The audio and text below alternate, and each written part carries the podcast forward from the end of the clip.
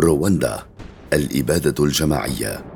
يمكن القول عنها أنها أحد أكثر حوادث الإبادة الجماعية دموية في التاريخ. فخلال مئة يوم فقط أكثر من 800 ألف شخص قضوا نحبهم بأكثر الطرق وحشية بمعدل عشرة ألاف شخص يوميا.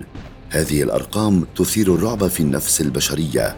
فكيف كانت لأطراف الصراع هذه القدرة العجيبة على القتل؟ الجواب هو العرق.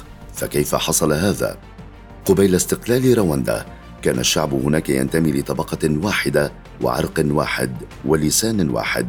وبعد أن تسلمت بلجيكا إدارة رواندا المستعمرة خلفا لألمانيا قامت بتصنيف الشعب إلى ثلاث طبقات تبعا لشكل الأنف وعدد الأبقار وبنية الجسم.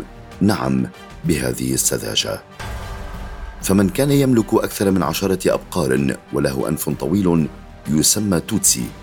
ومن يملك أقل من عشرة أبقار وأنفه قصير لكنه ضخم يسمى هوتو.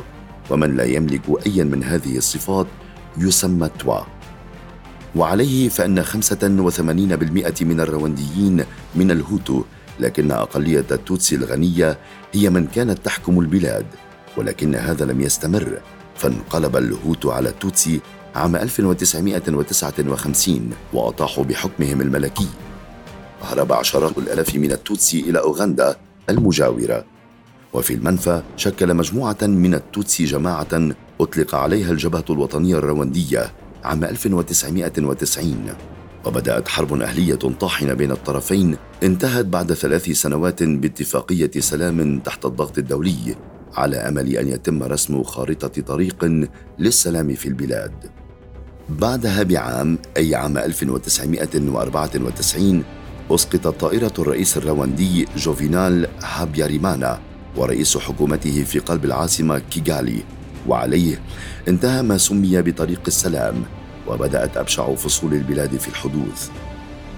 الهوتو كانوا مسيطرين على إعلام البلاد وكانت الصحافة في ذلك الوقت شيء في متناول الجميع بشرط أن تؤيد حكومة الهوتو. وعليه لم يكن هناك سوى متهم واحد في هذه العملية وهم التوتسي. إذاعة الألف تلة هذه الإذاعة قامت ببث الكراهية ضد التوتسي بمعنى أنها كانت ترسم ثعابين برؤوس بشرية وتقول هؤلاء هم التوتسي. هؤلاء هم من قتلوا رئيسنا. ومن هنا وفي اليوم التالي انتشرت نقاط تفتيش للبحث عن التوتسي في كل مكان. وكان هذا الأمر سهلا بسبب القدرة على معرفة التفريق العرقي المدرج على الهويات الرواندية والتي أسست له بلجيكا وقت استعمارها للبلاد.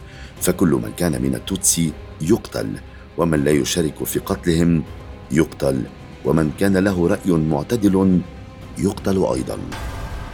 عموما كانت إذاعة الألف تلة التابعة للهوتو تقول في بعض الأحيان أنه إذا ما ذهب التوتسي واختبأوا في الكنائس لن يقترب أحد منهم. لكن هذا الأمر يبدو واضحا لي ولك أنه مجرد فخ.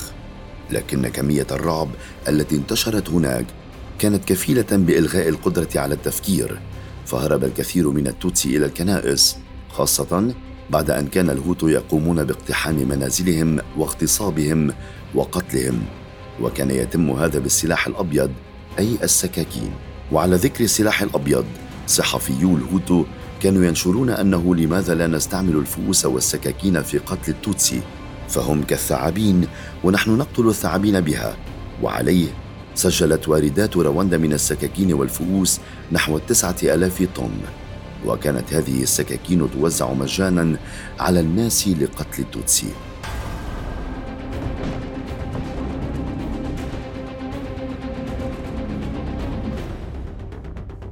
مئة يوم استمر فيه الوضع على هذا الحال حتى وصل عدد القتلى إلى ثمانمائة ألف قتيل. وصدقني هذا الرقم أعلى من الهولوكوست الألمانية. لم يكن للتوتسي أي قوة لصد آلة القتل هذه سوى الجبهة الوطنية الرواندية والتي بدأت بتلقي الدعم الدولي بهدف إنهاء المذبحة. فدخلت قوات أممية بقيادة فرنسية وفرنسا ذاتها هي من كانت تنشئ اعتمادات المصارف للقيام بصفقات سلاح تابعة للهوتو ولكن الأمر لم يعد يحتمل من وجهة نظر فرنسية. على كل بعد دخول هذه القوات هرب مجرمو الحرب من رواندا نحو دولة الكونغو وسيطرت الجبهة الوطنية الرواندية بمساعدة الجيش الأوغندي على البلاد كلها وتم اعتقال عدد ممن شاركوا في هذه المذبحة وعرضهم على محكمة الجنايات الدولية بعد اضطرابات في الكونغو دامت نحو عقد من الزمن.